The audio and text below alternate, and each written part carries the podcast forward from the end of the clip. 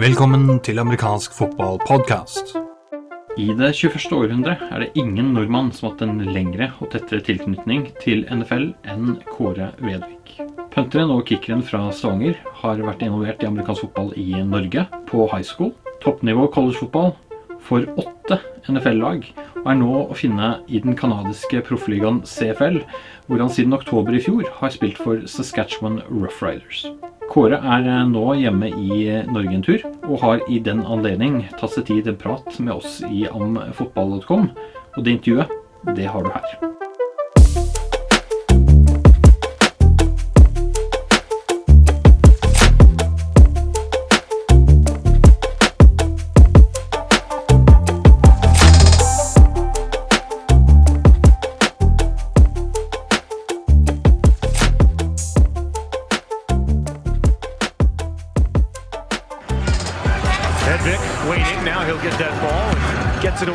This is a great kick. Edwards has to back up. It's going to keep bouncing all the way down and will roll out at the five. What a kick. When I said great kick, I might have undersold him a little bit. That was absolutely brilliant. A 75-yard punt from Corey Vedvik to back up the Elks. Kåre Vedvik, eh, vi sitter her i Stavanger. Vi skulle egentlig vært ute, men vi er i Stavanger. Og da Yes. er det jo ofte regn og den type ting. Eh, Men for deg, dette er jo hjemme. Ja. Eh, Du er tilbake i Norge. Har spilt nå en halv-ish sesong i Canada. Hva tenker du er opplevelsen både med å å spille der og være hjemme? Alt, er, alt faller på plass. Det er kjekt. Kjekt å være på banen igjen, kjekt å spille. Kunne være på et lag igjen og, og være i en sesong hvor vi har sett oss mål om å se hvor langt vi kommer og prøve å vinne den cupen. Så det er deilig å være hjemme igjen.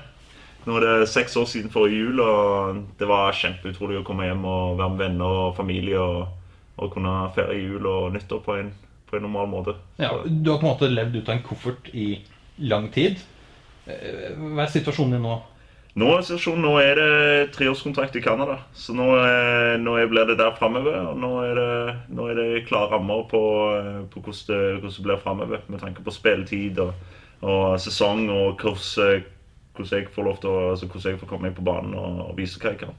Så det, det er nice. Kanadisk fotball er jo litt annerledes enn amerikansk fotball. Ja. Men for deg, i posisjonen og hva du gjør, hva tenker du likheter og forskjeller der? Jo, jeg sparker jo mer. Så det er jo eh, bonus. Så uh, vi har jo tre downs i Canada istedenfor fire downs. Bane bredere. Så for med min jobb punting så er directional punting blir enda mer viktigere. Og punteren har en litt sterkere, mer sentral rolle på ut, utkommet av kampen til syvende og sist. Så det, det, det er en god, bra utfordring og en plass jeg kan eh, få vise de tingene jeg eh, er nødt til å vise. Det er også sånn at CFL er nest beste ligaen i verden. Hvis man ser med, med NFL-øyne, så er det liksom, ja, det er noe der nede og ikke profesjonelt i det hele tatt. Men det er kanskje ikke din opplevelse, for det er, det er folk som jobber med dette heltid, og kan man leve av det?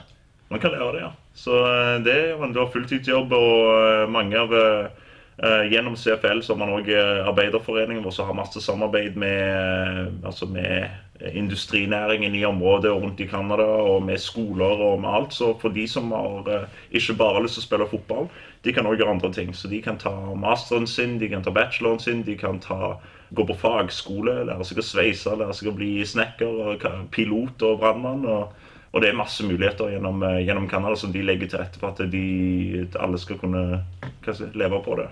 Så, så det er bra. Og så er det fullt mulig for spillere som er i Canada, at det er en perfekt mulighet til å vise seg fram. At Spiller man bra der, så blir man eh, signert tilbake i NFL. Så jeg hadde en lagkamerat i går som eh, bestemte seg for å eh, se at han tar sjansen i NFL og han ble signert etter to uker, tror jeg. Så han har bevist seg, det er Braden Linius, og han har gjort det veldig bra. Og, eh, og det viser seg. Så gjør du, gjør du jobben din der oppe, så er det, så er det fin vei tilbake til, til NFL. altså. Er det sånn du ser på det, som en mulighet til å vise deg fram og komme tilbake, eller er det, er det noe du kan tenke deg også over lengre sikt? Å være i Canada og spille der? Ja, altså, jeg liker Canada. Det er kjekt der oppe. Det er flott land. og det er masse, altså, Laget mitt er kjempekjekt å være i, og vi har det, vi har det veldig kjekt sammen.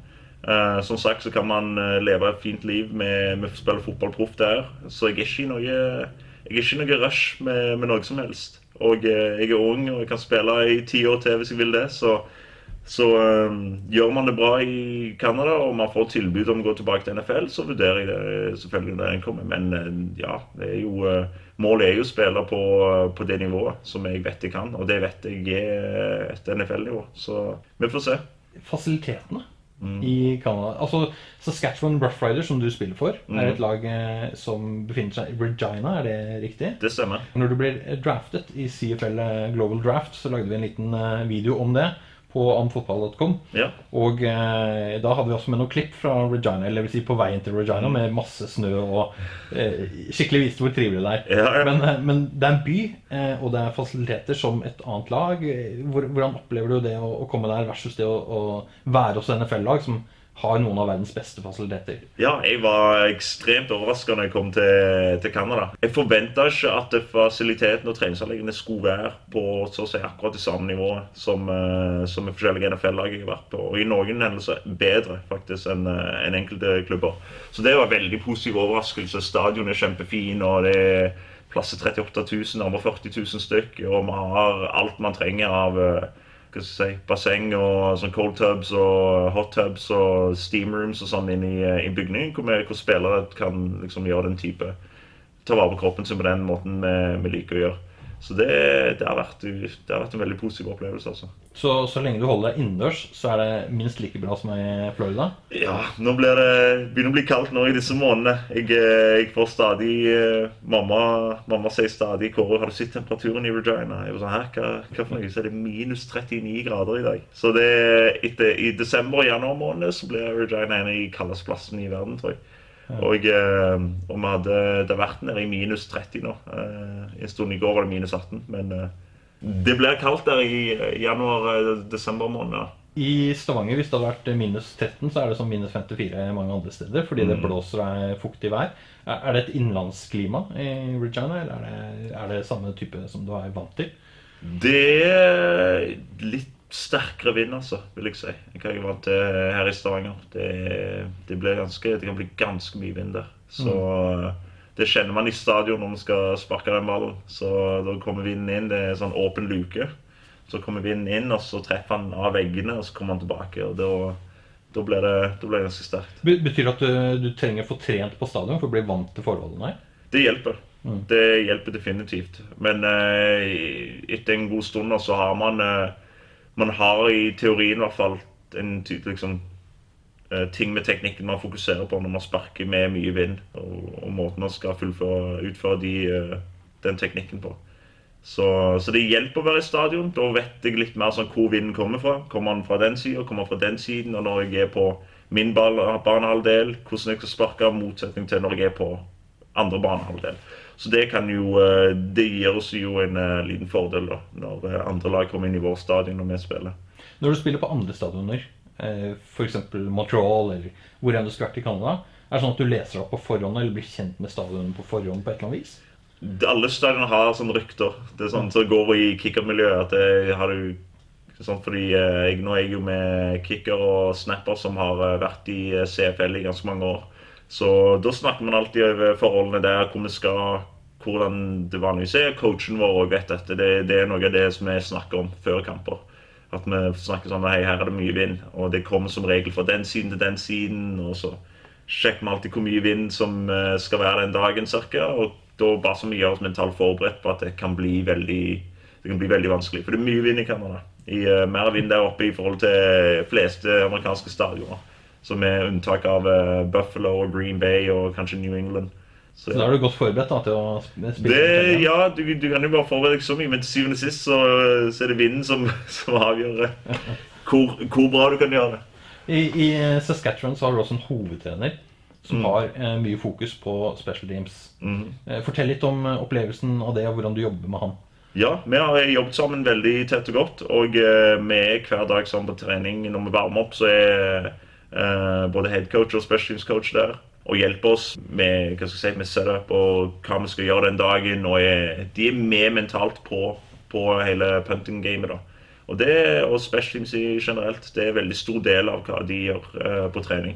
Og det, det, er noe som er kjekt for min del, fordi det er jo det som er jobben min. Så, så da vet vi at vet hvor, liksom, det, det, legger vi litt mer sånn fokus på den delen av, av trening. Så altså det, det, er nice. Nå har du vært innom en god del NFL-lag. Lengre og kortere perioder. Lengst i Baltimore. Mm. Opplever du samme fokuset hos de forskjellige lagene, eller er det veldig forskjellig fra forskjellige NFL-lag? Hva, hva, tenker du om det? Eh, det varierer kanskje med tanke på, eh, på hvor mye kunnskap coachene sjøl har om det man gjør. Baltimore har jo veldig høy kompetanse eh, med Randy Brown og på den tiden Jerry Rosberg, som har vært special teams coach i 20 år. Og Randy er jo kicking specialist. Han er jo sånn der for kicker og puntere. Så der var det mye kompetanse og mye å lære og mye å hente. Og, og, det var mye snakk om teknikk og utførelse. Men det er ikke alle lag som har. Eh, det er ikke alle lag som har den høye kompetansen. Men de fleste lag har noen som kan en god del og nok om, om det vi gjør. Så til at vi kan samarbeide og få til jeg til de eh, tingene vi snakker om sammen. Så, men ja, det varierer veldig fra, fra lag til lag. Eh, og så, så, er det sånn vi var inne på altså Baltimore, lang tid. Saskatchewan mm. begynner å bli eh, habilt med tid. Eh, en del andre lag har det vært kortere perioder. Yeah. Og, og, det har vært mye tryouts mm. rundt omkring. Hva betyr det for deg? Betyr det at du har base et sted å fly rundt omkring? Eller, eller bor du faktisk i en koffert? Har du, har du, gjort det de siste årene? Hvordan har det vært? Nei, nå som mens jeg har vært i USA, så har jeg jo uh, si, hele nettverket mitt er jo der borte. Jeg har familie der borte. Jeg har amerikansk eh, familie som jeg bodde med når jeg var utvekslingsstudent i 2013. Så jeg har et hjem i USA som, uh, som jeg da bor, og det er i McPherson, Kansas. Så Det er hovedbasen min. Altså, Når jeg går og trener, så har jeg uh, kickingorganisasjonen som jeg trener med, One on One Kicking. Jeg har uh, en plass i Dallas og Birmingham som jeg da trener. Uh, og det er der jeg er da. Også I tillegg så har jeg familievenn som bor i Miami. Og da bor jeg med han i Miami og trener i Miami med, på en plass som heter Bomarito, som er sånn performance center nede i Miami.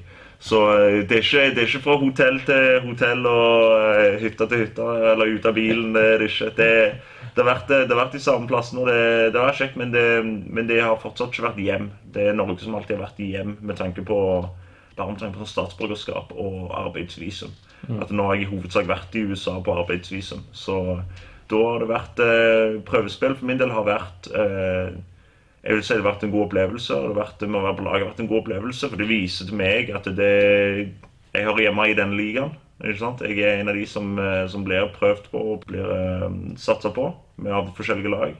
Så da er det bare å for min del er det ok. vet du hva, Da er det bare å fortsette å kjøre på. Det handler litt om timing og litt hell og lykke, og så, så er man der. Det er sikkert mange nordmenn som, eh, av de som har en interesse for amerikansk fotball, som kunne drømt om et prøvespill. Altså det du har hatt mange mhm. av. Hvis man faktisk er i den situasjonen. Hva tenker du er, er gode tips og viktig eh, for å gi et best mulig inntrykk når man er der? Først og fremst vær deg sjøl og slapp av. Det er akkurat det de har lyst til å se. De har lyst til å se hvem du er. Uh, og det er, ikke, det er ikke Fordi når du kommer til et prøvespill, så har du kanskje 20 trenere og scout som står på sidelinja og snakker. og det uh, Hvis du ikke slapper av deg sjøl, så kan det veldig lett bli uh, in, veldig intimiderende altså, å stå der. Så ja, de, der, de har invitert deg. Det er du som er på prøvespill, så det er bare å vise seg fram. Uh, så det, hvis du har hodet, så er det bare kjekt, egentlig. Det er sånn, ok. Jeg ble endelig, Istedenfor å sparke for deg sjøl på en bane, så står du og sparker foran folk som kan gi deg en jobb, og det syns jeg er skamnice. Så, så, da er det bare, da, da blir jeg litt, sånn, litt mer gira og vil fyre til det ekstra hardt. og og vise meg litt mer fram. En, uh, og så har du jo konkurranse òg der i tillegg, så da har du jo lyst til å vise at du er bedre. Ja, for Du er som regel ikke alene når du Nei. har den typen situasjoner? Nei. Det har skjedd én gang tror jeg at jeg var alene. Og Da var det Buffalo som ville hente meg inn, og da ville de se meg. Og da var Det sånn, det var jo enda kulere òg, fordi det var sånn, ok, de vil bare se meg, ikke noen andre. Men, uh, men uh, det, hjelper, det, det, er kjekt å ha konkurranse òg. Da må du gå ut der og så må du slå konkurransen og vise at det er du som hører hjemme. Du, du, nevnte one-on-one kicking. Mm. Og så nevnte du kicker-miljøet litt tidligere. Mm. Vil det si at Når du går på den typen droughts, eh, prøvespill, så er det folk du ofte vet hvem er? Det, alle vet hvem alle er, ja. Det, det, er et, det, er ikke et kjempestort miljø. Det er kanskje Altså, det er kanskje totalt 300 stykk som trener på dette. Eh, og eh, sånn i etterkant av college, som free agents.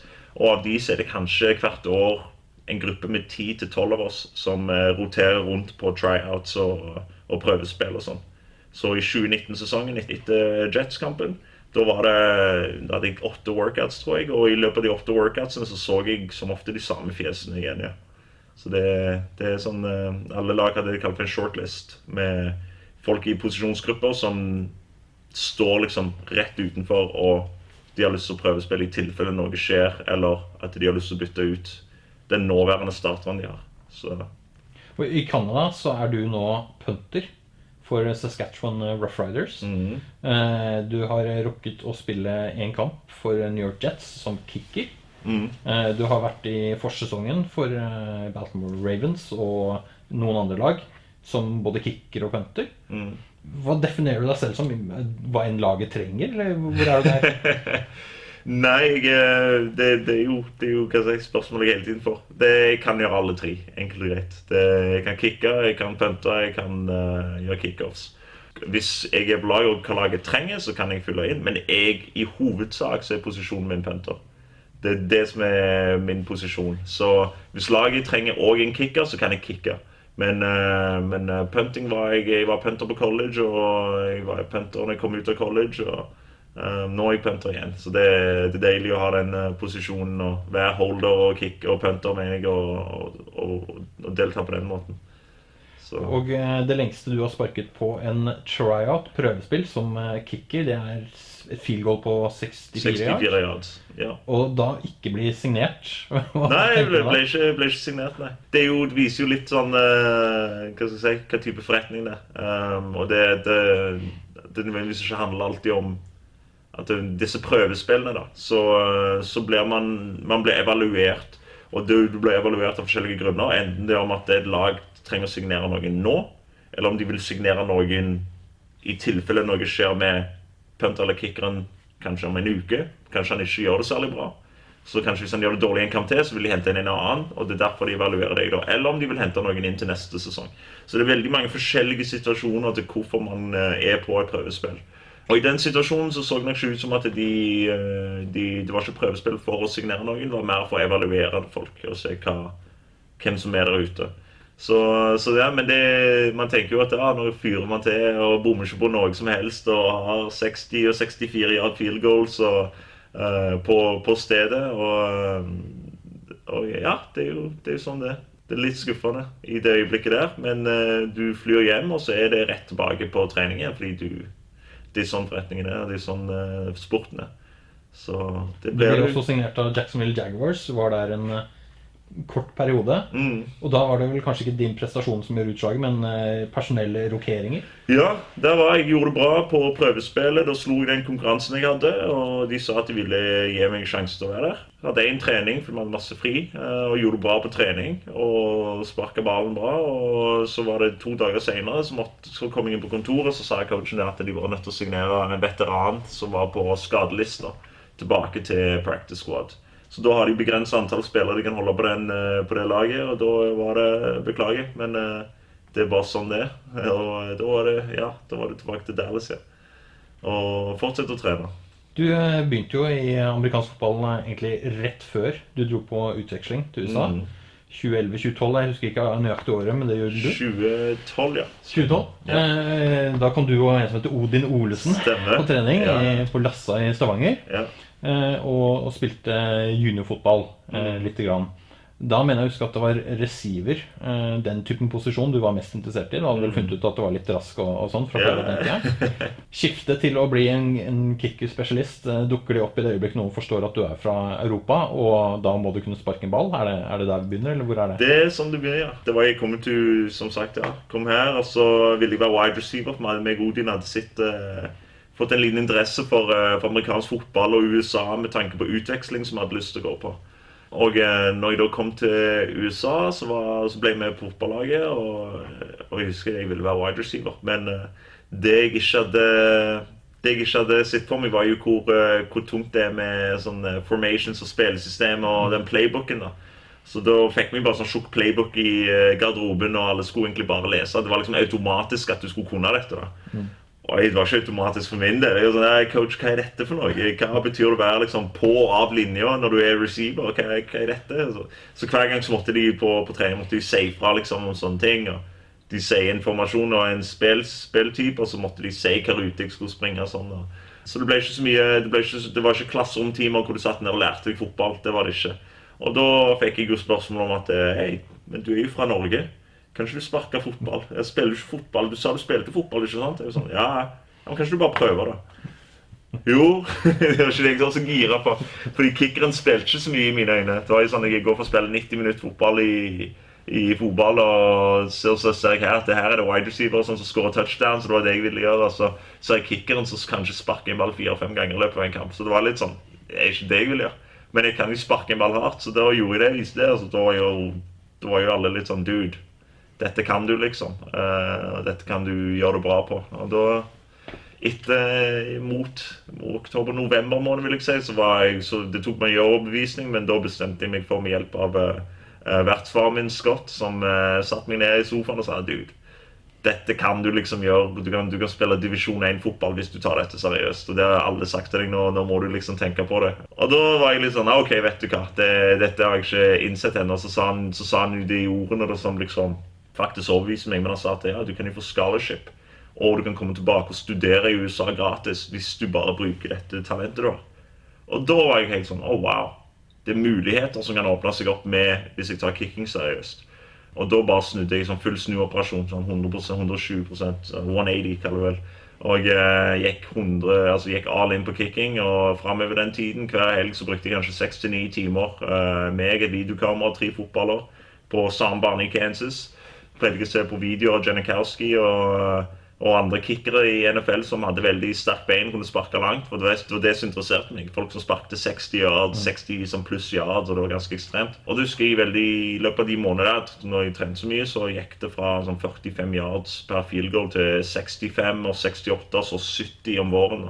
Uh, klart Hvis det gikk fire måneder, så, var det, så, så fikk jeg den forbedringen der. Og da gjorde det bra nok til at uh, den uh, Coles kicking-campen som jeg gikk på, som er den nasjonale ranka kicking-organisasjonen, uh, rangerte meg som, som, nummer 13 med de da, og da fikk jeg liksom begynt å få litt mer, litt mer traction på rekruttering og sånn. For, for, det kommer lag, altså college-lag, å kikke på, eller se på statistikken der? de ser på statistikk, så sånn de campene, de campene vi var på, det var sånn showcase. Så da kommer det kanskje 100-200-300 kickere fra hele landet. Kommer på sånn uh, national showcase, som det heter. Og det er de du må bevise deg på. Så da går du til disse, og så har du da field goal-konkurranser, kickoff-konkurranser og punting-konkurranser. Og da gjelder det rett og slett bare Du har en sånn, uh, det du kan få en charting face. Da har du kanskje ti spark punt, du har Uh, du har seks til syv field goals og åtte field goals, og så har du fire kickoffs. Så da legger de statistikk. De tar tid og liksom hvor mye hangtime du har, distanse og sånn, og så skriver de det ned. Men så har du liksom Den viktige delen er da konkurransedelen. Og da er det f.eks. med field goals så har du liksom single, single elimination, uh, eller double elimination, at du får, du får bomma én, og det neste så er du ut.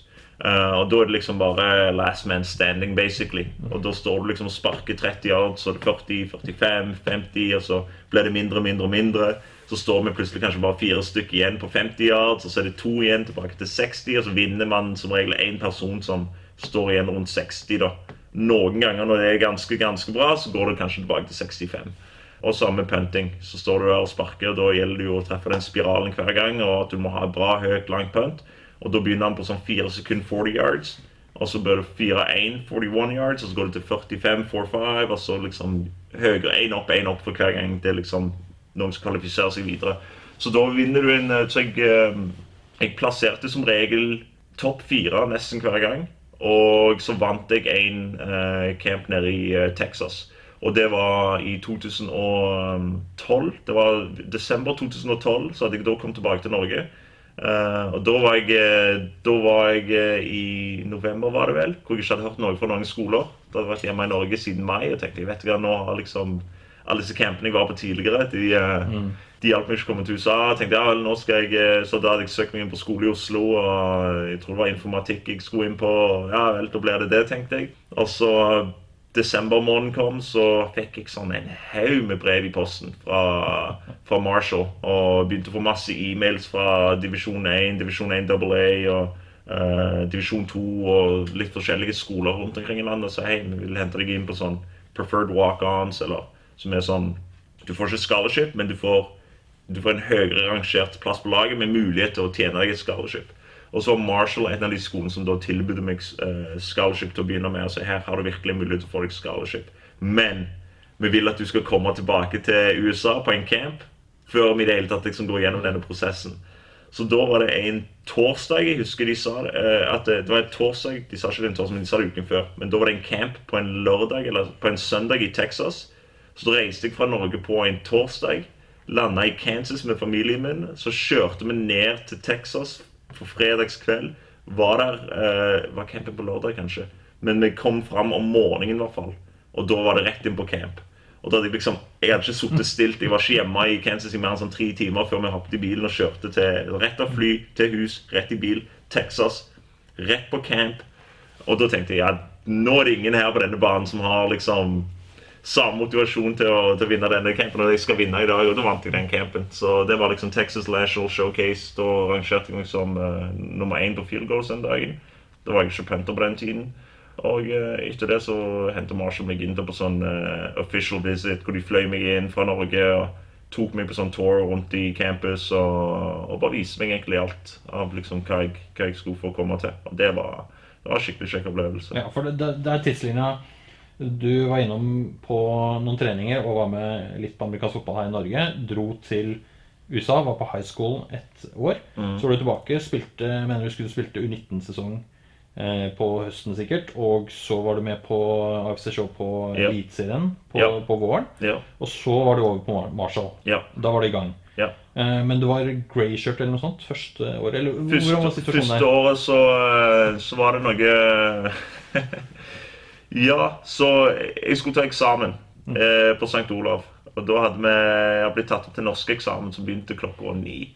Jeg skulle selvfølgelig ta toget som gikk fem på halv ni, eller noe sånt. Jeg skulle ta liksom det eh, annet siste toget som egentlig fikk meg der i tide. Du kan ikke komme for sent til eksamen i Norge. Da, det, da stenger de døren når du er låst ute. Men det toget kom aldri. Så da sto jeg der på togstasjonen og var sånn Ja vel, ja. Hva gjør jeg nå? Eh, jeg husker jeg måtte ta bussen, og så kom jeg fire minutter for sent til, til eksamen. Og eh, eh, så spol litt framover. Så da var det Odin Olsen sin eh, far. Hjalp meg med denne situasjonen fordi han syntes det var litt feil at eh, jeg ikke skulle få vitnemål. Du får ikke vitnemål nå hvis du ikke har den eksamenskarakteren. Da må du vente et semester. Hvis jeg venter et semester, så mister jeg det vinduet til å gå til Marshall. Og da mister jeg mulighet til å tjene scholarship med Marshall, og da går hele den fotballmuligheten i dass. Så da, da var han ved siden min og sa vet du hva, det, det er ikke din feil at det toget ikke kom. Ta nå, Gå nå ned til NSB og eh, spør dem hvorfor det toget ikke kom. Så jeg gjorde jo det, og så fikk jeg eh, sånn utskrift som jeg spurte etter. Bare, ja, det toget hadde vært på, eh, på vedlikehold. Så det er derfor det ikke var der. Så tok jeg det brevet tilbake til faren til Odin, og så skrev han da brev til kommunen. Og jeg tror det gikk helt opp til utdannings... Altså, ansvarlig utdanningsdirektoratet og fikk svar tilbake at ja, nå fikk jeg eh, godkjent fritak fra eksamen til å Altså, da trengte jeg ikke å ta eksamen på ny engang. Eh, da var meg, Odin og eh, Torstein, en kompis av meg, var i Kroatia eh, på ferie sammen. og Fikk de nyhetene mens jeg var der, og det var kjekt. For jeg, jeg fikk fritak fra eksamen. og det var jo i norsk, eller nynorsk, som et, var et av de svakere fagene mine på skolen. Så da gikk jo faktisk eh, snittet mitt opp, da. Perfekt. Så jeg tenkte, vet du hva, nå fikk jeg eh, mulighet til å gå til USA, og snittet mitt gikk opp eh, i karakterer. Og jeg var sånn skamnice, altså. Og da, eh, da fikk jeg, men da var ting at det, alt skjedde ganske seint. Med tanke på alle de papirene jeg måtte ha for å få eh, opptak til Marshall. Så all dette opptaksfristen ble dytta sånn fire uker bak for min del. eh, bare som det var en sånn spesiell situasjon. Og eh, da når jeg fikk eh, Og så var det ikke bare det heller. da, Så jeg kom jo til Når jeg kom til ambassaden, så hadde jeg da fått en Jeg husker jeg hadde fått en frist fra Marshall som sa at jeg 20, 24. august Eller 27. august er siste dato du kan være her. Da, eller så bare mister du basically plassen din på laget. Og du, vi, kan ikke, vi kan ikke hente deg lenger hvis du ikke kommer 27. august. Og da var jeg i Oslo rundt sånn 19. eller 20. Uh, med alt jeg hadde. Ambassadeteamet måtte få meg dette visumet da. Og inne på det intervjuet så går jeg inn, og så, uh, og så sier de til meg at ja, well, that's gonna take two weeks. Sånn, det er bare en fast Det er bare en fast liksom til men de bare, ja, det tar to uker uh, for å få visum. Og jeg bare sa, men det kan ikke gå, fordi Jeg må være der før 27. Og de bare Sorry, we make no exceptions. Og jeg husker bare jeg følte meg sånn jeg følte meg helt sånn nedslått igjen. Sånn, å nei, akkurat som følelsen etter eksamen. Bare tenkte, Nå gikk alt ned i grus. Så tenkte jeg der også, nå gikk alt ned i grus. Um, så da var jeg litt sånn i Oslo hos søskenbarnet mitt og satt og bare tenkte ja, men hva gjør jeg nå? Det er ingenting jeg kan gjøre. Det er bare å krysse fingrene og håpe på det beste. Jeg tror det var dagen etterpå. Uh, så jeg, dagen etter dette intervjuet så fikk jeg telefonen at passet mitt var klart. Så da er jeg litt sånn Er det noen der som kanskje følte frustrasjonen min når jeg uttrykte meg, eller om det var noen som bare bestemte seg at ting bare gikk bra. Uh, så det, bare, det, det, ja, det gikk bra. Altså. Så det, mye, det, var mye som skulle til for å komme seg til, ja. til Marshall. også. Jeg, du beskriver jo både flaks, uflaks, hvor viktig det er å være i tide til ting. Uh, og ikke minst det å stå på. Altså faren til Odin, hva han gjorde for deg. Her er det utrolig mye lærdom, hvis du liksom tenker etter det du har vært igjennom. Mm. Jeg husker også en situasjon hvor uh, Mulig at uh, du ikke kommer til å like at jeg tar det opp, men, uh, men AFC Show skulle til Trondheim. Fly til Trondheim. og det, jeg tror muligens du forstår det etter det flyet. men det interessante for meg her er at jeg hadde tilgang til informasjon rundt et annet lag samtidig. Okay. Og der var det en annen spiller som også gjorde noe tilsvarende til sin kamp. Okay. Og fikk påpakk for det. Og du fikk påpakk eh, fra sportslig leder, tror jeg det var en kommentar mm. eh, om å forstå det. Men reaksjonen deres var veldig forskjellig. Hvor, hvor, han eh, på det andre laget han var sånn ja, alt er deres feil. Laget sin feil. Mens din var eh, du, du, eide det. Mm. ikke sant? Personlighet og måten å takle ting på. Hvor viktig har det vært i den reisen som du har vært gjennom? Altså Når jeg ser sånn i altså retrospekt på, på hvordan hvordan ting har gått. Sånn i etterkant av som du sier, flaks og uflaks. og Ting som har gått bra, ting som har gått dårlig. og sånn, ok, Men hva som skjer i etterkant. Um, jeg, jeg har alltid likt å si det mye av sånn hvem jeg er som person. Hvordan jeg vokste opp, hvordan, hva jeg har gått gjennom i livet mitt. så Det har alltid vært min hva si, Om det er mantra, eller om det er sånn fundamentalt hvordan jeg, hvordan jeg takler ting. Og, um, men i etterkant så har jeg òg sagt at jeg har altså vært veldig heldig med hvem, uh, hvem, som jeg har rundt meg. Det går jo tilbake til hva slags forhold vi har. ikke sant? Og, uh, og jeg syns det er viktig. Jeg synes det er utrolig viktig med, med, holdninger til ting. Altså Holdninger du tar til ting som skjer rundt deg, og ting som skjer i livet ditt. og Bra eller dårlig og hvordan man, hvordan man, forholder seg til det videre. og Til syvende og sist gjelder det å ha et positivt tankesett. Fordi ting skjer uansett om du vil eller ikke. Eh, sånn, det er ting som bare eksisterer, det er ting som sånn man, man, kan innbille seg. Men noe ting, altså sånn gravitasjon, det er et faktum. Sånn, det går liksom, vi, vi, vi blir tiltrukket mot senteret av jorda. Sånn, sånn, er det. Uh, og det er det lite jeg kan gjøre for å, for å unngå. Og da da syns jeg også det er bedre å bare ha et uh, positivt tankesett fordi man vet ikke liksom man vet ikke alle de tingene rundt seg. Som, det er ikke alt rundt, rundt seg som man kan kontrollere. Det er masse som er ukontrollerbart. Og man setter seg sjøl i, i, et bedre spor ved å ha en, en, positiv, god holdning. Og at man da tillater seg sjøl, kanskje, for man har bare ett perspektiv, og det er ditt eget. Så men når man har et positivt utkikk på ting, så tillater man kanskje det perspektivet å være mer åpent. Og du ser mer uh, når ting skjer. At når gode ting skjer foran deg, at hvis man har et dårlig og negativt tankesett, så kan det være at du blir blind og du ikke ser at ting skjer rett foran deg når det er noe som kan forandre livet ditt. Og når du tenker positivt og du er liksom optimistisk og du er åpent, hjertet ditt og åpent, hodet ditt åpent for andre folk, og, og at du tillater ting å skje, så tillater du òg gode ting å skje. Og det er det jeg tror som har vært eh, det viktigste, aller viktigste for meg, i, ikke bare fotball og idrett, men i livet generelt, har vært å ha det den tankemåten. Fordi det er alltid til syvende og sist tillatt gode ting å skje. Alltid. Det har aldri feila.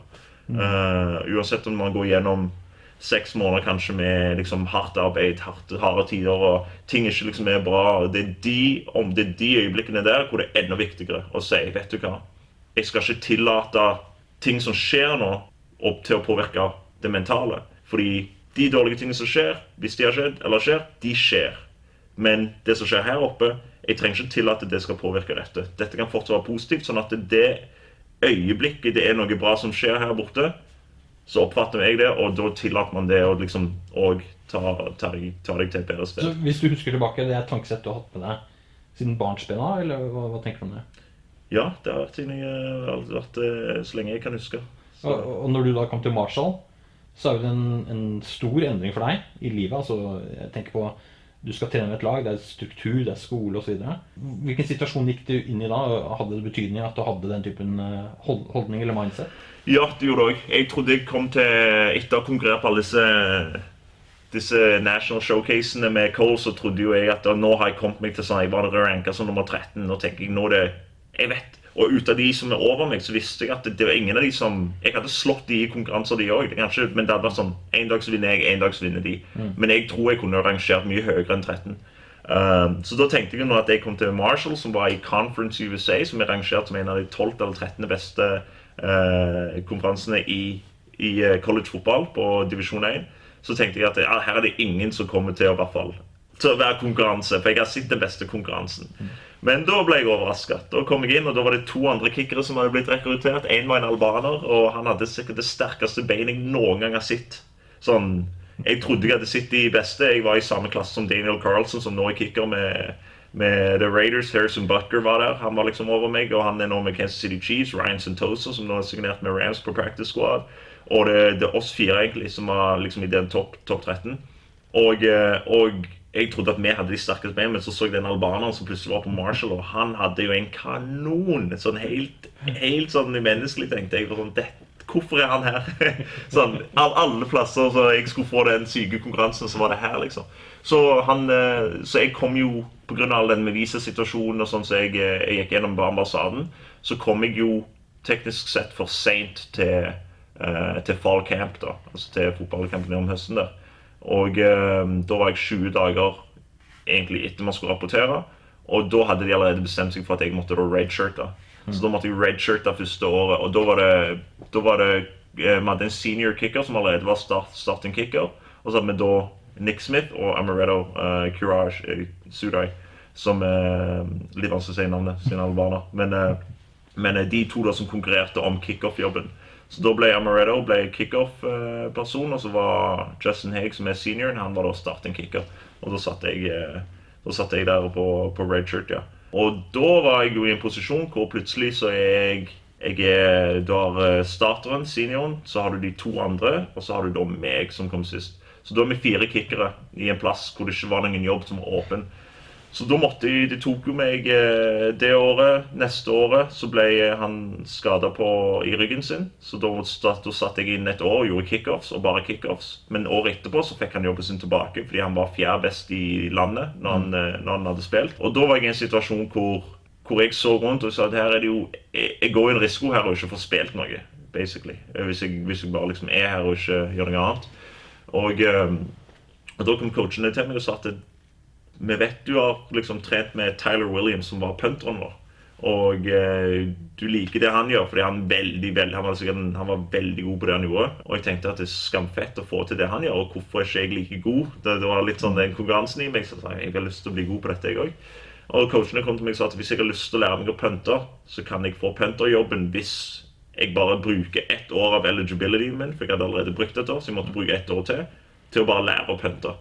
Så da sa jeg OK, da slutter jeg å kicke med en gang, og jeg gikk 100% inn på bare punting. Og så på hver trening så var jeg bare egentlig og prøvde å konkurrere mot han i oppvarming og sånn, og prøvde å lære litt av hva han gjorde, og prøve å få til de tingene han gjør bra. Og, ehm, og året etter det så fikk jeg da starting punter-jobben min. Men det var ikke før år fire at jeg faktisk starta. Ja, og du, du har fem år på, på college. Jeg var der fem år, ja. Så da var det år fire at jeg fikk en startingjobb. Og så var det da år fem.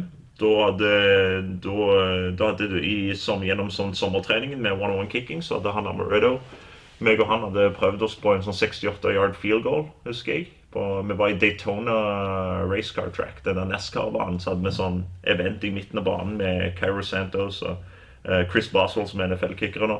Og vi var der inne, og så ville vi liksom vise oss litt fram. Og så da hadde han sparka, så hadde han strukket hele lysken. Og da kom vi tilbake til fall camp, og da var det meg og en ny freshman kicker som, eh, som var de eneste som egentlig var, var liksom klare til å ta den kickerjobben. Og jeg sa til coachen min at uh, hvis Amaretto ikke skal kicke field goals, fordi han var NFL-kaliber kicker, så er, det, så er det jeg som skal sparke field goals. fordi jeg kom, og da, da sa de ok, men da har vi en konkurranse. Så da var det meg mot han freshman-kickeren som hadde konkurranse om den kickerjobben. Og, Så da vant jeg den, og da endte jeg opp med å gjøre alle tre uh, siste året mitt. Så det var kjempekjekt for min del. Da jeg fikk spille mer. Så nevnte vi innledningsvis, eller ikke innledningsvis, men tidligere i intervjuet, at, eh, at du begynte som eh, receiver. Altså, Det var der liksom du begynte før du i det hele tatt var på high school. Ja, ja. Og jeg mener du skal ha lest i hvert fall én artikkel om at du fikk eh, sneket til deg noen eh, repetisjoner også på Marshall. Var det sånn Ja. tre ganger på trening, eller hva, er situasjonen der? Det var jo eh, så hver eh, som vi kaller spring ball her om våren. Så da har vi òg opp til det, de to månedene før det, som som heter agilities. Som er sånn eh, Det er konkurranse da på banen. Du skal springe liksom fra linje til linje og gjøre masse sånne hekkegreier. Og uh, shuttles. Du springer 10, 20, 30, 40 og eh, sånn, Vi hadde sånn poengsystem hvor vi var i lag og vi skulle vinne. Og eh, jeg tror jeg gikk en periode hvor jeg nesten slo alle eh, på laget i dette agility-greiene. Og det var jo da folk begynte å være litt sånn Hvem i helsike er denne duden, liksom? Liksom? Hvorfor er du så rask? Har du gjort friidrett før? Har du gjort, jeg var der, ja, jeg har gjort friidrett før. og, og da husker jeg jeg var oppe og trente i styrkerommet. Da kom wide receiver-coachen min, og han er nå wide receiver-coach for Chicago Bears. Men da kom han opp eh, og eh, spurte om jeg hadde lyst til å prøve meg som wide receiver. Hvor bra det gikk, det jeg var litt sånn eh, samme ting med på high school. Jeg hadde jo ikke lært noe ennå. Så ja, jeg er rask i springet, men det er så mye man skal lære med wide receiver. Så hoppe inn på divisjon 1-nivå. Jeg fikk, jeg tror jeg holdt på i fem-seks treninger. Og så Jeg skulle egentlig bare fortsette med det da, framover, fordi jeg var ikke, jeg var ikke kicker da, um, ennå. Og eh, eller han, hadde ikke, han kickeren hadde ennå ikke liksom, den Skaden hans hadde ikke ennå helt blitt uh, sånn klarert om det han var skadet eller ikke for sesongen. Men um, Så da var det wide receiver som var tingen. Uh, men da, trening syv eller noe sånt i spring ball, så husker jeg Mike McCabe, han eier, han er eieren av One On Kicking. Han kom til college da og skulle liksom ha sin egen kicking camp utenfor treningstiden og sånn.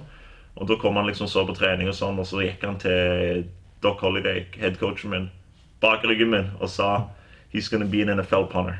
Og da kom eh, Etter et lagmøte så kom eh, eh, wide receiver-coachen min opp til meg og sa Hey, we moved you back to the kicker group. Og jeg husker bare jeg ble så sur. Jeg husker jeg ble så sint. Jeg var så sur fordi det var sånn, ah, du tok drømmen min. Ah. Så, så da, var jeg, da var jeg sur i en uke. Jeg husker at da, da måtte jeg gå og trene med kickerne og Mike McCabe en dag. Og jeg husker jeg var så sur. Jeg bare sparket ballen så hardt som jeg kunne, men uten, uten noe teknikk. Ballen gikk sinnssykt høyt, men eh, det var ikke noe eh, presisjon på det. Men eh, men etter det så begynte jeg å dra de sommercampsene med one-on-one kicking og, og trene med de videre. og Det var faktisk det var spring. Det var den sommeren jeg òg bestemte meg for å, um, for å satse skikkelig på at nå var det ikke bare college og utdannelse, nå var det NFL. For Den første campen var vi i Mobile, Alabama, og da var det flere NFL-kickere. Vi hadde vi hadde Johnny Hacker, vi hadde Matt Darr, som var punter for uh, Miami Dolphins og New York Jets. Vi hadde Ryan Allen, New, York, uh, nei, New England Patriots-punter var der. Vi hadde Nate Free, som var Lions-kicker på den tiden. Kyro Santos, Chris Boswell. Flere som var der, da. Og uh, på en av de der dagene så fikk vi da en mulighet, altså de bedre fra college-nivået, de som var litt bedre, fikk sjansen til å bli med de på trening og konkurrere. da. Så da var det en konkurranse hvor uh, Mike McCabe sa at uh, uh, vi hadde sånn rød one-on-one uh, kicking-T-skjorte, og alle andre var mørke. Men hvis noen slår Johnny Hacker på en punting-konkurranse, så får du den T-skjorten. Så da fikk uh, Johnny Hacker begynte. Han hadde tre punts som han skulle sparke. Og eh, bare sånn i hans forsvar. Så dette er begynnelsen av hans uh, uh, oppkjøringstrening, opp, sesongoppkjøring. ikke sant? Så um, er dette er sommeren, så det er sånn han er midt i. Han gjør seg klar til sesongen. Og eh, Så han sparka tre, og han sparka en ganske bra en. Han hadde sånn 5-2-5, 50 et eller annet yard, så det er kanonpunt. Uh, og så fikk vi sånn fire til fem sjanser, da. Og så traff jeg sånn eh, litt sånn her, og så på andre Nei, ikke helt der. Og så på tredje uh, Tredje eller fjerde punt så traff jeg en 5-2-8. Sånn 0,03 hundredeler bedre enn han, og så litt lengre. Så da var jeg den eneste av de folk som faktisk slo Johnny Hacker på en punting-konkurranse. Sophomore year i college, og da husker jeg at jeg snakket litt med Jeg hadde sånn litt sjølrealiseringsøyeblikk. Sånn det, det, var, det tok ikke den dagen, men det, var, det tok en uke eller to når jeg var hjemme var i, på Marshall igjen. Sa jeg til meg selv at men Kåre tenk nå tilbake på sommeren her. Du, hva skjedde egentlig? Sånn, Du slo en som er rangert som en av de desidert beste punterne i NFLs historie på en casual puntingkonkurranse. Men du slo han. Det spiller ingen rolle om det var kampsituasjon whatever, men du slo han. For meg så var det bare sånn grønt lys å si vet du hva, du kan satse på NFL. Det, jeg trenger ikke noe mer enn det. Det var det øyeblikket som sa til meg at OK, punting, NFL. Og så litt seinere så sparket du også et fryktelig langt spark eh, for Marshall, som fikk mye oppmerksomhet. Ja. Men hvor mye gjorde det ene sparket for oppmerksomheten rundt deg og karrieren din, eh, muligheten i NFL? Har du noe peiling på det? Hadde det noe å si i det hele tatt? Jeg tror ikke det hadde noe å si. Nei. Det var litt sånn eh, dekning, dekning på vårt nivå. Vet ikke hvor stort det var. Men eh, jeg husker det fikk litt oppmerksomhet. Og så fikk det litt noen sånne, sånne highlights. Men jeg vet ikke hvor mye det påvirker egentlig. Det jeg tror mer i etterkant, egentlig. Så, så evalueringen som NFL-lagene gjør, det er mye større spekter uansett. Altså, med unntak av hvis man lager en Kickalicious-video, tydeligvis. Mm. Er, er det sånn at, at NFL-lagene tok kontakt med deg på et tidspunkt mens du fortsatt var på college? Hvordan, hvordan var den uh, inngangen til NFL?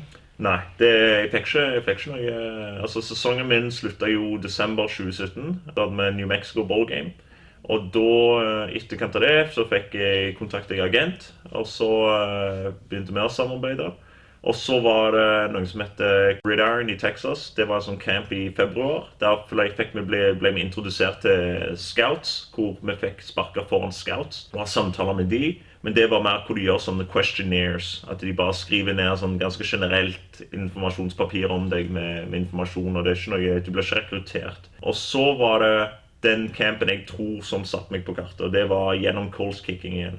Og det var, det var sånn college uh, livestream som da Så etter college er det sånn regel sånn at du Du har ikke lov til å trene foran NFL-personell, sånn coacher, sånn på en camp, før du er free agent. Men du er ikke en free agent før etter draftet. Så i månedene januar, februar, mars, eh, når disse campene er, så er du en college senior, og da, er den Coles-campen den eneste campen som coacher egentlig kan se deg, fordi det han gjør en sånn livestream. Hvor han har kamera, så livestreamer han nettopp på YouTube. Og da husker jeg reise til Arizona og tenkte at ok, dette er virkelig Fordi min, min, eh, min gruppe med, med, med puntere som kom ut det året, det var veldig fullt. Det var en av de større klassene. Da med Johnny Townsend, Logan Cook, JK Scott, Michael Dixon, og mange av disse er store navn i NFL nå alle de kom ut samme år som meg, så da var det jo veldig overskygga. Jeg kom fra en liten skole på Marshall og hadde gjort det helt OK statistikkmessig på college. Jeg var nummer 20, tror jeg, eh, i college. Da, da er ikke du, du er ikke første person på noen sin liste. Så husker jeg at det, jeg var nødt til å gjøre det bra på den campen der på livestreamen, og jeg er nødt til å komme til finalen, og jeg er nødt til å gjøre det bra. Og for min del husker jeg at jeg bare satte meg ett mål, og det var at jeg skal bare jeg skal bare, det du kaller for du må, du må snu ballen over. Altså Du må få den spiralen, og du må treffe hver gang. Eh, og jeg tror jeg var den eneste som traff hver gang uten å, uten å bomme. Eh, men blir, de, de konkurransene blir til sånn hvem som kan sparke den største ballen. Så da er det sånn, Hvem kan sparke høyest og lengst? Så det, jeg gjorde ikke det den dagen. Og, men jeg kom på nummer fire. Uh, men òg så viste jeg at jeg kunne gjøre alle tre. Altså han Jamie Cole, han som er i Coles Kicking, han, uh, han deltar på det NFL Combine. Og han sa til meg at når han var der borte, så kom mange coacher komme opp til han og spør hvem er det som uh, Kjenner du noen som kan gjøre alle tre? Kjenner du noen som kan er litt mer vers versatile? Altså litt mer allsidig Hva heter det på norsk? Allsidig, ja. Ja. Og eh, kan gjøre litt flere ting. Og da hadde han nevnt to navn, og det var meg og Ryan Santosa. Og da sa han at eh, de kan gjøre liksom det meste. Og da fikk jeg, begynte jeg å få masse sånn eh, etter, etter Pro The Combine, altså som jeg hadde som på Pro Day eh, på skolen. Da var det masse scouts der, og da gjorde jeg sånn eh, så stillestående lengde, vertical jump, og eh, så hadde jeg sånn, så kicka jeg innendørsfasiliteten vi har, og så pønta jeg ute når det snødde. Og eh, etter det så begynte jeg å få masse sånn private workouts. Da begynte det. Så det, det er jo at det, da har jo navnet mitt gått i de riktige ørene fra visse plasser og gjennom visse folk. Til at de, de så de har sitt talent. At, og når noen har spurt etter talent, så har navnet mitt kommet inn der. og så fikk jeg de treningene. Så da hadde jeg eh, fem, jeg hadde fem eh, private workouts. Og eh, eh, lederen opp til draftet så var det Baltimore Ravens, Titans, Lions litt, bitte litt Jacksonville.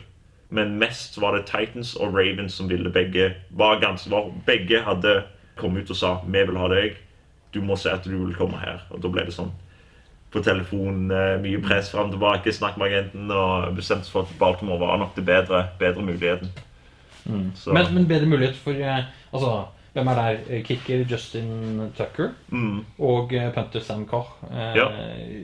Jeg mener nesten satt som i bronsestatuer Mm. på nivået de holder. Ja. Tenkte du at muligheten var til å, til å lære av dem, eller hva tenkte du da? Lære og vise meg fram muligheten de har. Så de var mest Det er mange lag som kan si at vi vil hente deg inn og vi vil gi deg liksom muligheten til å, til å konkurrere eller spille, men mye av det blir ikke, er ikke satt på hvitt. Det- Mye av det er er òg opp til han som er starter. Hvis han er en veteran, så er det han bestemmer litt sjøl hvor mange repetisjoner han vil gi vekk fra førsesongen. Så at eksempel han sier at «Ja, jeg vil ikke spille andre omgangen i første kamp i førsesongen, så får du den. Men så kan han plutselig snu og si jeg har lyst til å spille begge. Og så plutselig kan han si det for alle kampene. Han har lyst til å spille alle kampene. Og så plutselig så får du som en som er nødt til å bevise deg, ingen kamper å vise deg fram på. Og da er sjansene ganske små for at du egentlig går videre derfra. Da er det kult å si at du ble signert til et NFL-lag, men det er ingen som har sett deg spilt. Og det er veldig liten sjanse for at du kommer til å bli signert som en starter mange plass. Det Baltimore gjør, det er at de har et system på det. Og det er at de har eh, Randy og de har Justin og Sam. De har system på hvordan førsesongen deres er. Og den kampen, den, den førsesongen så hadde vi en ekstra sånn Hall of Fame-kamp, så vi hadde fem kamper. Og det de vanligvis gjør, er at de henter, de henter Opp til det så pleier de å hente inn én person som kan gjøre alle tre. Sånn at da kan de ta eh, repetisjoner vekk fra Justin og Sam, så de kan spare beinene sine til sesongen. Og da er det òg for å utvikle et nytt talent og vise at, det er litt mer sånn, at de er ganske stolte over hva de holder på med der oppe. Så de vil vise resten av ligaen at vi vet hva vi holder på med når det kommer til kicker og puntere. Og vi kan utvikle de én etter én etter én. Og, og da fikk jeg da sa jeg vet du hva, der er en plass jeg tror jeg er nødt til å gå. Fordi jeg, jeg, jeg blåser litt i det liksom og sier at jeg har lyst til å spille med en gang. Sånn, jeg har lyst til å være best. Så hvis jeg har lyst til å være best, så må jeg gå der de beste er. Uh, Justin Tucker er den beste kickeren. Sam Cook var i mine øyne han er den beste tekniske punteren det er som er i NFL. Det er ingen som er bedre enn han på det han gjør. Og jeg sa der kan jeg gå og lære masse. Også i tillegg får jeg spille. De lovte meg at ja, du får hele første kampen, og du får hele siste kampen. Og du får uh, halve kampen i de imellom. Så masse spilletid. Hvis jeg får spilt og jeg får vise meg fram, hva mer trenger jeg å gjøre? Det var ganske åpenbart til meg at det var den beste muligheten. Uh, og da gikk jeg der og, og uh, slo til med det og hadde det kjekt. Og, ja. Ja, for, for du hadde da en forsesong som eh, gikk svært bra. Og så fikk du en skade utenom eh, sportslig. Men da, da var det også sånn at du kom tilbake til Baltimore året etterpå og fikk eh, en del av forsesongen da. ja. Og så ble du tradet. ja. Det er ikke noe som skjer hver kicker Nei. som ikke har spilt en kamp engang i NFL.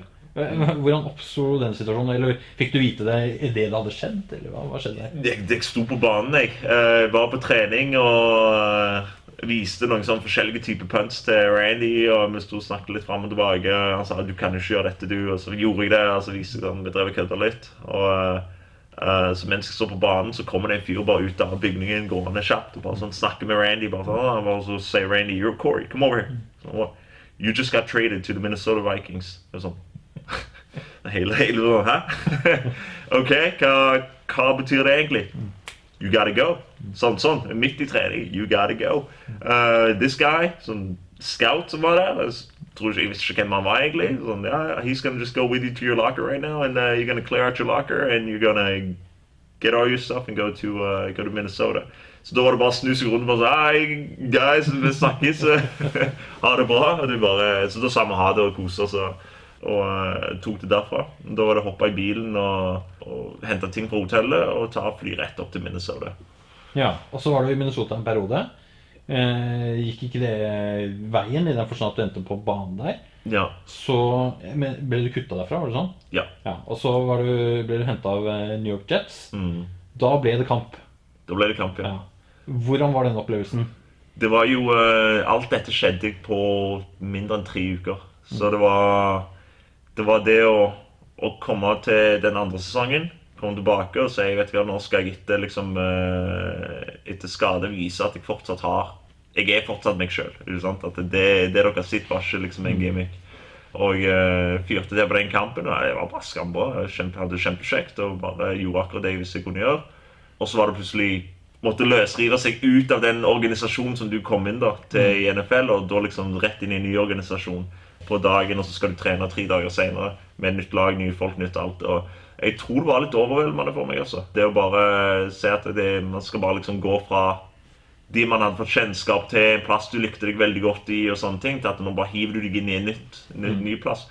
Og jeg husker at jeg hadde samme forventninger til Minnesota som jeg hadde til Baltimore. Og det må jeg bare si, Minnesota var ikke Baltimore. Mm. Ja, da snakker vi om organisasjonen, laget Organisasjonsmessig, ja. Altså energien du fikk fra trenerne dine, og måten kommunikasjon skjedde på. og Det var mye kaldere. Det var mye mer forretning enn enn hva det var familie og, og liksom kjærlighet og sånn love for the game. ikke sant? Det, så jeg gikk jo inn med forventninger at dette skal bli at hele NFL er som Baltimore, tenkte jeg.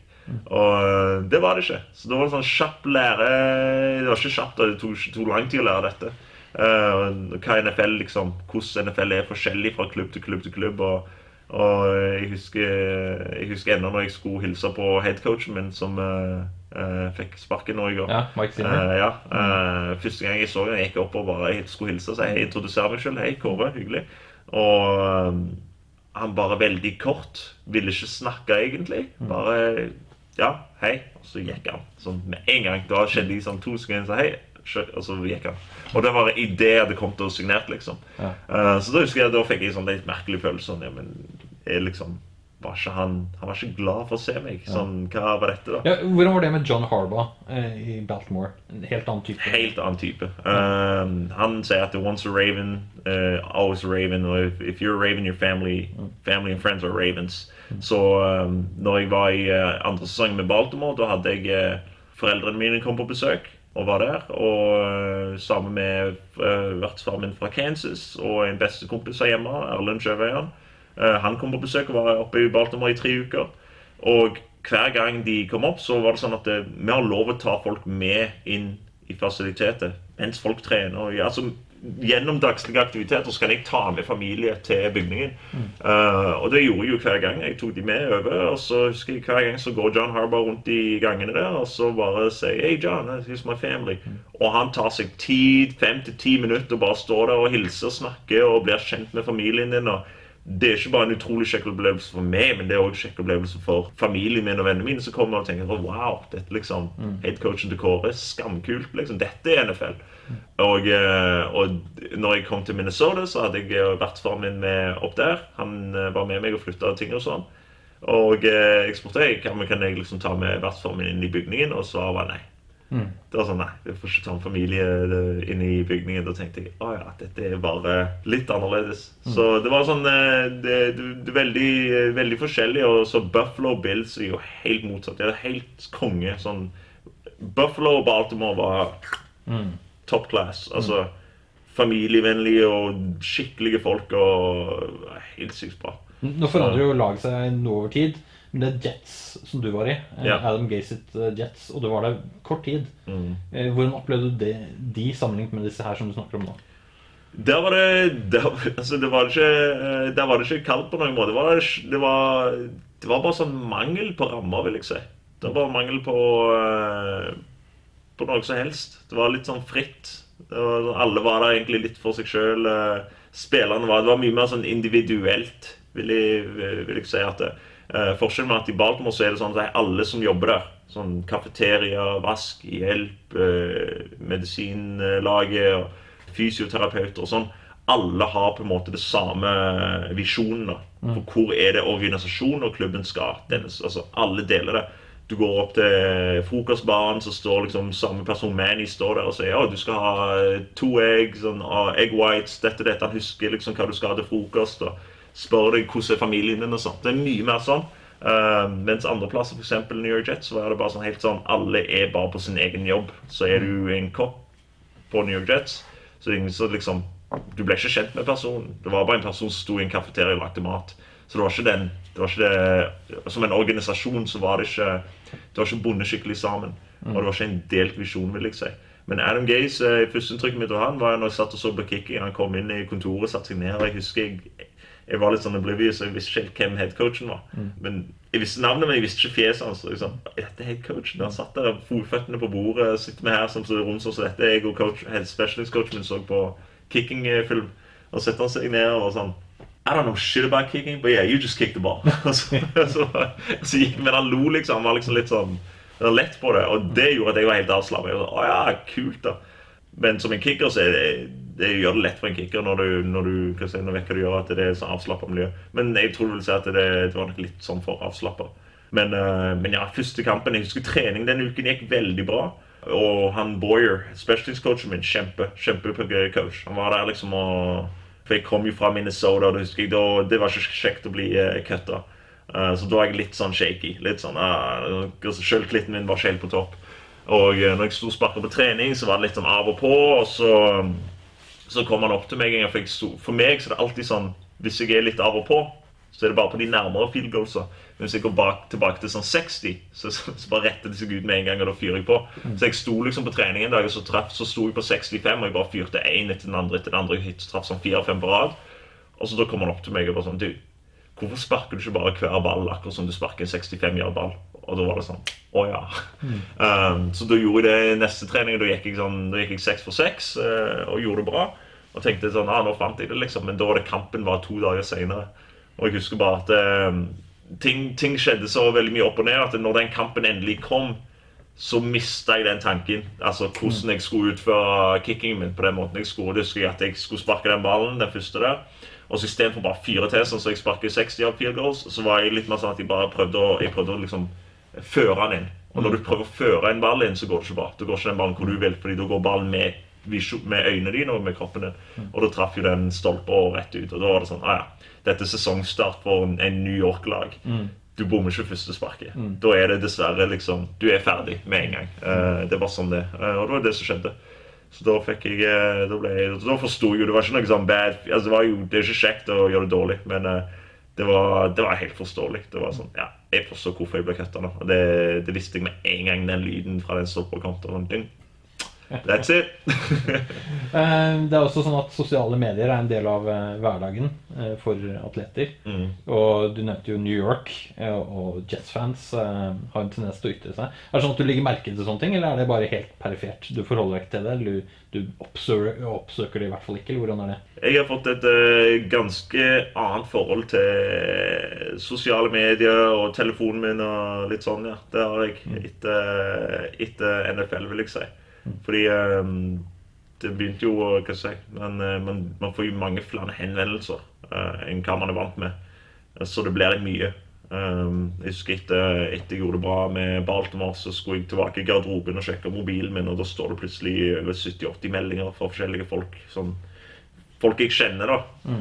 Og så er det sånn at jeg liker jo ikke Jeg liker ikke å ikke svare tilbake. Så da tok jeg tok meg tid og svarte tilbake til alle, og det tok meg kanskje tre timer. eller noe sånt. Og da husker jeg jeg tenkte sånn Ja, men skal jeg bruke tre timer hver gang liksom, når ting skjer? nå, at å svare på folk, Så da måtte jeg begynne å forandre litt sånn på hvordan jeg skulle gjøre det med telefon og sånn. Og sosiale medier ble jo helt ekstremt. Jeg har jo null kontroll på på, på den innboksen lenger. Det, det er bare noe jeg har sluttet å sjekke skikkelig. Og du kan forandre liksom på settings og sånn med, med hvem som kan sende deg meldinger. og sånn, fordi etter Jet så ble det jo ganske mange ubehagelige meldinger. Og det er jo folk som sier masse stygge ting. Eh, sånn ting som er helt ute på jordet. Uh, og da er det jo eh, Da er det fint å ha litt sånn filter på hvem som kan skrive til deg og sånn, og finne ut av det. Men uh, Jets-fans uh, de er ikke veldig tilgivelige, altså. De Nei, er men, men sånn at du blir immun mot det på et vis, for at det er så langt på jorda at det gir ikke mening? Liksom, Ja, for min del så har jeg aldri brydd meg om hva Først og fremst så når jeg spiller kamper, så, bryr så har jeg jo Man har jo folk som skriker på deg midt i kampen òg. Ja. Hei, du suger! Altså Hvis du bommer på et spark, og du bommer på neste òg, liksom du, du må jo Nå snakker vi om å spille U19 i, Nei, nå i snakker, Norge. nå snakker, ja, ja. Dette var jo på Marshall. Jeg husker når, når jeg spilte der, og hvis jeg bomma, så står jo fem motstanderfans og skriver, de står og ler av deg. vet du. Ja, Ja. du suger. Sånn, ja vel. Sånn, ok. Takk. Uh, men det er jo bare å le av det. ikke sant? Fordi du må tenke deg, det er jo, det er jo Til syvende og sist er det du som er på banen og spiller. De er der for å se og underholde seg sjøl. De er der for, for underholdning. That's it. Så en del av underholdningen er jo òg hvis man klarer å egge på seg spillerne som spiller. Hvis man klarer å få oppmerksomheten deres. Eller bare fansen. Ja, fansen, ja. Som fans. Hvis man klarer å få oppmerksomheten, hvis man er ung og liker å kødde og skrike og høye, ja, så, så, er det, så er det en del av deres underholdning, liksom. Så det er jo bare å vite at det, ingenting er personlig. Det er ikke personlig mot deg, fordi de kjenner ikke deg. Og de vet ikke hvem du er. Og det samme med Instagram. og sånn, det er jo at du er jo bare en du er jo bare en eh, profil på et, eh, på et digital medie som, altså, i virtuelle verden. Det har jo ingenting med hvem det er jo, Jeg legger jo ut hva jeg sjøl vil, og det viser jo bare ett et profil av hvem jeg er. Men det er jo ikke hvem jeg er. Er jo hvem jeg er, men det er ikke liksom alt av hvem jeg er. Um, så om folk står og skriker høye på deg på, på sosiale medier, så, så hvis du lar deg sjøl ta sånn personlig, så er det dessverre din feil. Uh, og det, det er ikke noe jeg har problem med. Det er Folk skriver alltid utopien til meg. Og det, I hvert fall etter Jets-kampene. Da var det masse. Da fikk jeg jo masse sånne meldinger. Da var jeg sånn, ja vel. Så da, jeg, jeg husker jeg kan ikke lese det engang. Bare sletta det. og sånn, ja. Men uh, det, det er ikke noe som eh, påvirker meg. Nei. Det, det er bare sånn det er. Det var en del av jobben. Etter eh, Jets så ble det en del hopping rundt omkring hos andre lag også. Eh, og så ruller vi fram til eh, CFL Global Draft. Det ble altså da draftet eh, i et draft du nesten ikke visste om. Ja. Var det sånn? Ja. Da var det Jeg har jo hørt om CFL. Hadde hørt om CFL på den tidspunktet. Jeg visste det alltid var Jeg har jo flere eh, som jeg kjenner som har spilt og gått igjennom CFL. Ty Long, som nå er punter for Chargers.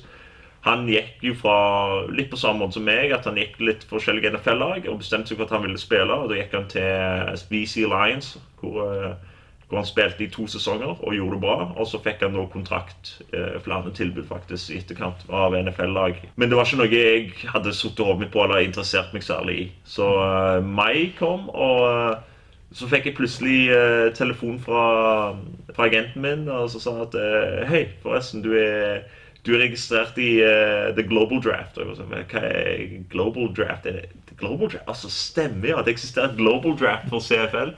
Og uh, da var det to lag som uh, i hovedsak tok kontakt og ringte meg. og Da var det Winnipeg og Saskatchewan og spurte om jeg var interessert i å spille opp i Canada. Da tok jeg Da hadde jeg òg litt sånn at jeg ville gjøre fullføre prøvespill nede i USA og se hvilke muligheter jeg hadde der. Og da fikk jeg mulighet med 49ers, seks dager med Jacksonville og, og et prøvespill med New York. Og etter det så var det sånn eh, Ja, jeg kan jo fortsette å gjøre dette ut året, eller så kan jeg gå og spille med en gang. Og da eh, ringte jeg eh, agenten min og sa vet du hva, ring tilbake til altså Da, da drafta Saskatchewan meg eh, tidligere i meg, i andre runden i Global Draftet. Og um, da sa jeg vet du, ring de og spør om, eh, om, de fart, på, liksom, om det går an for meg å komme opp nå med en gang. Og eh, da sa de kom opp med en gang. For det var sånn rett fram. Og da var det bare å skaffe meg eh, riktige dokumenter, og så var det å hive meg i bilen. Og da kjørte jeg opp fra Kansas til, til Canada. Så Du, var, du kjørte altså fra, fra Kansas til Regina? Ja. Ja. Det var fra Jeg begynte å trene i Miami. ja. Så kjørte jeg til Birmingham. Så kjørte jeg fra Birmingham til Dallas. Så trente jeg der. Og så kjørte jeg fra Dallas til Kansas. Var der med familien min, trente der. Og så fra Kansas til Canada. Det er jo lov å si at du har jo sett en god del av det kontinentet. Ja, Eh, Både fra fly og i bil. Ja. Er det noe som overrasket deg med Canada når du kom der? Altså forskjell? Da tenker Eh, jeg sa- franske provinsene. det overrasket meg. Jeg var i Montreal og så husker jeg vi gikk rundt i gaten og så en skamfin by. Eh, og så så jeg rundt meg og bare tenker Montreal, Montreal. Så bare sa jeg til Quebec, er så er veldig fransk. Og så ser jeg på folket og så tenkte jeg, ja, men alle snakker jo fransk. Det er jo eh, 70 eh, fransktalende provins. Så det var litt kult. Da følte jeg at jeg var tilbake i Europa. Ja. Og da var det plutselig sånn at det, da, det var øyeblikket jeg innså at nå er jeg i et annet land enn USA. For jeg tenkte litt sånn USA og Canada, litt sånn likt. Men kan, Canada har mye mer eh, europeisk preg på seg enn eh, Altså USA har ikke noe særlig europeisk preg, men det har Canada. Så Canada er sånn amerikansk med et europeisk preg. Det er sånn inntrykk jeg har så langt. Så det var kjekt. Du, når du kom opp, eh, så var det en del kanadisk eh, presse som fikk snakket med deg. Mm. Og et av, et av spørsmålene gikk på om du kjente noen eh, Kjente noen der fra før av. Altså av, av de bl.a. CFL Global-spillerne. Yes. Så uh, når jeg var på Baltimore Ravens, så var det en, det er noe som heter International Pathway Program. og Det er et program som henter europeiske spillere som har vist seg på et spill på et veldig høyt nivå. eh, som da får mulighet til å bli med gjennom et sånn Pathway-program som skjer da i USA, eh, nede med eh, IMG Academy. Og da var det en som heter Chris eh, Izala, som er fullback, linebacker. eh, bare et sånn naturtalent, atletisk naturtalent eh, som var der. Og um, han ble jeg kjent med, og eh, han er jo nigeriansk sjøl, sånn som jeg er òg. Og, um, og da hadde uh, Saskatchewan hadde vært i, nede i Baltimore da, i førsesongen vår. Og de hadde sittet og liksom lagt ut sånn Notert seg spillere som de, uh, som de kan bli interessert i i framtiden.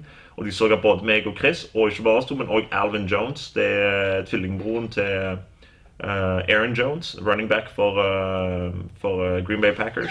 Så oss tre vi var i samme klasse på Baltimore. Så alle oss tre gikk samtidig nå til Saskatchewan. Helt altså, uavhengig av hverandre. Det var ikke, at vi avtalte dette, men vi gikk opp der samtidig. Kanskje to ukers forskjell mellom oss.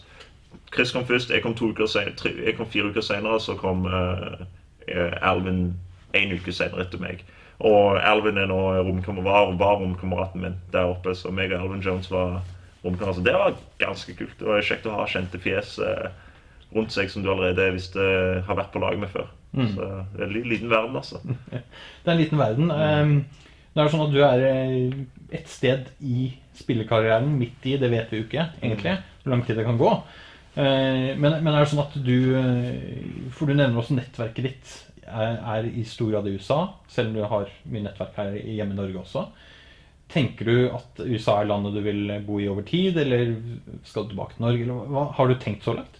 Ja, altså jeg, jeg, er, jeg er, norsk, og jeg elsker Norge. Så jeg Hovedsak jeg tok bachelorgraden min i internasjonal business og ville utvikle det videre, var med mulighet til å kunne jobbe internasjonalt. Jeg liker å reise, jeg liker å se verden, jeg liker å se forskjellige kulturer. Så til syvende og sist så er Norge hjemmet mitt, men hvor jeg kommer til å bo alltid, trenger ikke nødvendigvis å være Norge. Så det er jeg helt over. Det, det spørs altså hvor livet tar meg òg litt. Sånn, mm. Hvis jeg får en mulighet til å spille fotball i NFL i USA, da bor jeg i USA i den perioden der. Uh, sånn. Får jeg jobb som et eller annet i, i, i, i business og finans eller næringslivet i, i, Norge til å jobbe i si, Tyskland, da kan jeg bo i Tyskland. Så, så, jeg er litt åpen til det. Jeg er ikke, jeg er ikke, jeg er ikke 100 bonde til én plass. Nei, altså, Når jeg sier navnet ditt, så sier jeg som regel Kåre Vedvik. Eh, men du heter altså Kåre Babajide Vedvik, er det riktig? Ja, det, det, det, er enda et navn inni der. Ja. Det er fire navn. Det er, det er Kåre Oladapo Babajide Vedvik. Ja. Eh, og det spiller da forteller at, at, og du nevnte litt tidligere at du er nigeriansk, men, altså du er norsk og nigeriansk. Hvordan er relasjonen din til, til Nigeria? Har, har, du vært der mange ganger? Altså, familien er delvis ja, herfra? Ja, pappa er, pappa er nigeriansk, og så jeg vokste opp i et eh, nigeriansk og norsk hjem mm. uh, siden jeg var liten. Og vi har masse nigeriansk familie her i Norge. Søskenbarn som bor her i uh, søskenbarn og onkel som bor her i Stavanger. Og så har jeg søskenbarn og onkler i Oslo som, er, som besøker noen der borte. Og, uh, jeg reiste til Nigeria i fire uker når jeg var i niende klasse.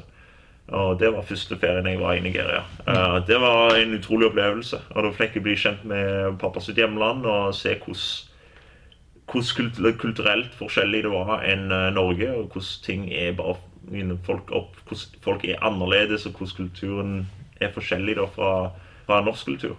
Og det gjorde meg veldig interessert i det å reise. Uh, jeg husker når jeg var der nede, Det var det som inspirerte meg til å si vet du hva, det er jeg kan ikke se på liksom, hvordan, hvordan hadde vært hvis jeg hadde bodd her. Nå er jeg bare på reise, her, jeg er bare på ferie. Men hvis jeg hadde bodd her, så er det en helt annen opplevelse. Og det var det som motiverte meg til å ta et utvekslingsår. Når jeg, eh, det pluss uh, uh, tyskemoren min, altså stemoren min. Og det som motiverte meg, Hun også motiverte meg til å si at hun har alltid elst å reise. Hun har alltid elst å og tatt sånne eventyr. Og hun motiverte og sa vet du hva, jeg syns definitivt hvis du vil gå på skole i utlandet, så er det noe du burde oppleve. Og da husker jeg at da, da søkte jeg opp disse programmene og var sånn, vet jeg, at jeg skal gå på et utvekslingsår i utlandet. Om hvor det blir, vet jeg ikke ennå, men det skal jeg finne ut av. Så, så ja. Det var... Du har nok neppe angret på at du tok den beslutningen der. Det har ført deg mange steder rundt ja, i verden. Ja, absolutt. oppleve så mye. Så. Um, hvis, uh, hvis, en norsk spiller, en ungdom som er interessert i amerikansk fotball, tenker på å få mulighetene som du har hatt, hvor begynner man da? Hva tenker du om det? Tren hardt ta, altså, Når du kommer til riktig alder, sånn 16, du har ikke begynt for tidlig, men du må, du må, du må fokusere på det fysiske. Før vi hadde et lite brudd på videoen her, Ja. eh, satte det i gang igjen for øvrig, Mm. eh, så, så var spørsmålet knytta til eh, hva man bør gjøre. Og så nevnte du en del rundt altså, det fysiske, og så, Ja. og så begynte vi å snakke igjen, egentlig uten å ha offisielt begynt intervjuet, Yes. eh, knytta til at det er muligheter ved å Mm. komme fra et sted som Norge. Det har vært en del kickere opp igjennom. Mm. Hvis du ser historisk på det. Da, ikke bare han du møtte tror jeg, på den Hall of Fame-kampen i Baltimore, Mm. Jan Stenderud, men også fra dette området. Atle Larsen spilte for Virginia Tech, var så vidt i Mm. Arizona Cardinals. Eh, Du har, eh, du har en så sær historie som Håvard Rugland, som Ja. en video og sånne ting. Det fins noen muligheter som eh, Hvilken vei er det best å ta, tror du, for å lykkes? Jeg tror det er å gå, gå på skole i USA. Eh, at du må til å utnytte det norske, altså norske, norsk stat uh, tilbyr oss uh, stipend for andre videregående i utlandet. Masse utvekslingsprogrammer som man kan ta. Men hvis man har hvis man, Du kan gjøre deg selv en tjeneste at hvis man virkelig gjør dette med fokus på fotball, så er det òg å komme i kontakt med noen som, som bor der borte, f.eks. sånn som eh, og som kan få folk i kontakt med andre folk og, og lag og sånne ting. Og så må man altså Hvis du er det individet som vet at du kan spille på det nivået, betyr at du elsker å trene. Du elsker idrett. Du vet du, du har talent, du vet du er god. Um, da er det første bra mulighet du kan ha til å komme deg bort på skole med, med klar kommunikasjon i USA om at det, her har vi spillere som allerede kan fotball. Uh, med mindre du er kicker, da kan du bare trenge van- vanlig fotball. Uh, at du, du bare kan sparke en ball. Og da kan vi få deg bort og, og få, få deg i gang ikke sant? med å prøve den amerikanske drømmen. For din egen del eh, så er du et sted midt i 20 år- 20-årene nå, er det riktig? Ja, 27. Eh, 27. Sånn at eh, hvis du ser på Tom Brady, det er jo helt like ellers òg, så er det jo 20 år igjen. Ja, ja. Takk. Vær så god. Ja. Men, eh, men eh, tenker du at, at karrieren Du nevnte ti år tidligere. Men tenker du at du har muligheten til å drive på med dette veldig lenge? Ja, som uh, punter og kicker så er det syvende og bare hvor bra tar du deg av kroppen din. Og jeg elsker å trene. Det har jeg alltid gjort, og jeg tror aldri jeg kommer til å slutte. Jeg tror alltid jeg kommer til å holde på med idrett. Og, uh, så er det en veldig teknisk øvelse mer enn hva det er en fysisk øvelse. Selv om uh, liksom, jeg har mye fysiske egenskaper jeg tar med meg inn i kickingen, så er det, så er det mye av det som kan kompenseres bare med god teknikk. Eh, Så du kan holde på sånn som Adam Vinatieri, en kicker som holdt på til han var 44 40, hvor gammel, 42 44 år gammel. Og det er jo spilt hatt en karriere over 20 år, så det er flere altså, puntere som John Ryan spilte jo nå, han var 39, og du har jo flere puntere som er langt ute i 30-årsalderen og som holder på med dette på høyeste nivå ennå. Men, men der er du også. At du, du, tenker, du tenker ikke på neste karriere nå, du tenker på dette. Er det riktig? Ja, altså jeg tenker litt sånn eh, Nå med denne karrieren så har jeg òg tid, tid til å planlegge det andre livet mitt òg, med tanke på hva muligheter eh, Canada gir deg. Med tanke på mulighet til, til å gå på skole og gå på, få seg jobb og få seg alle disse eh, altså fagbrev som man kan få seg. og Det er så mange muligheter, og så har man jo fem-seks måneder fri i løpet av året. at eh, med kicking og punting så er det, det, det begrenser hvor mye du vil trene på det. Uh, og da har jeg masse tid å overskudd. Jeg har overskudd og tid til overs med, med å fokusere på noe annet. Så da, jeg, kan gjøre, jeg kan være proff atlet, og jeg kan gjøre noe annet samtidig. Og, eh, og som den dagen jeg ser at jeg er ferdig å spille idrett, så har man liksom andre egenskaper på siden som man har lyst til å fortsette med. Nå nevnte du John Ryan underveis. Han er da punter eh, og har vært en periode hos Saskatchewan Rough Riders. Ble skadet yeah. rett etter du kom, eh, kom inn der. Eh, du eh, fikk sjansen da til å punte for eh, Rough Riders utover i sesongen. eh, og gjorde det bra, det må kunne sies. Hva er indikasjonene for din del nå videre? Du er hos eh, Rough Riders. Ja, jeg, eh, jeg fikk beskjed om at eh, eh, de vil ha meg tilbake, og de skal ikke signere noen andre. John Ryan er jo fortsatt signert, tror jeg, på laget. Så jeg er usikker på om han kommer tilbake eller ikke. Men eh, kommer han tilbake, så blir det jo konkurranse, og det er jo bare kjekt. Det, det hadde jeg likt. Det er ikke noe bedre det enn å kunne konkurrere mot en elleve år NFL-proff og Superbowl-winner og Pro-bowler og, og sånne ting. Det er akkurat det sånne ting jeg vil ha i i, det er sånne ting jeg har lyst på i karrieren min. At det er de stegene der som definerer liksom, om du tar neste steg eller ikke. Så om han kommer tilbake eller ikke, er jeg usikker på. Jeg tror ikke det, men uh, vi får se. Kåre Vedvik, eh, tusen takk for at du tok deg tid til å sitte med med oss. Ja,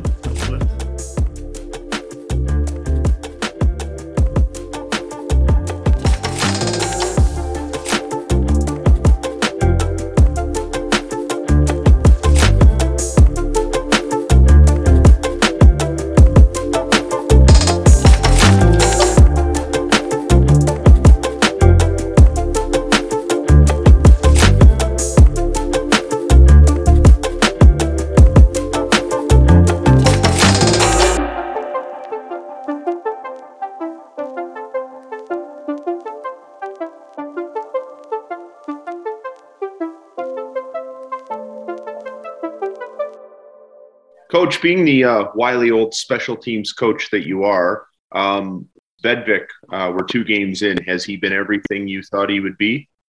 He had a good game today. In fact, I, I mean, off the top of my head, he might be the special teams player of the game. He flipped the field twice for us, and and he's quick back there. He does a good job holding. I, am very pleased with, with with Corey Vedvik. He he was a major contributor tonight to this win.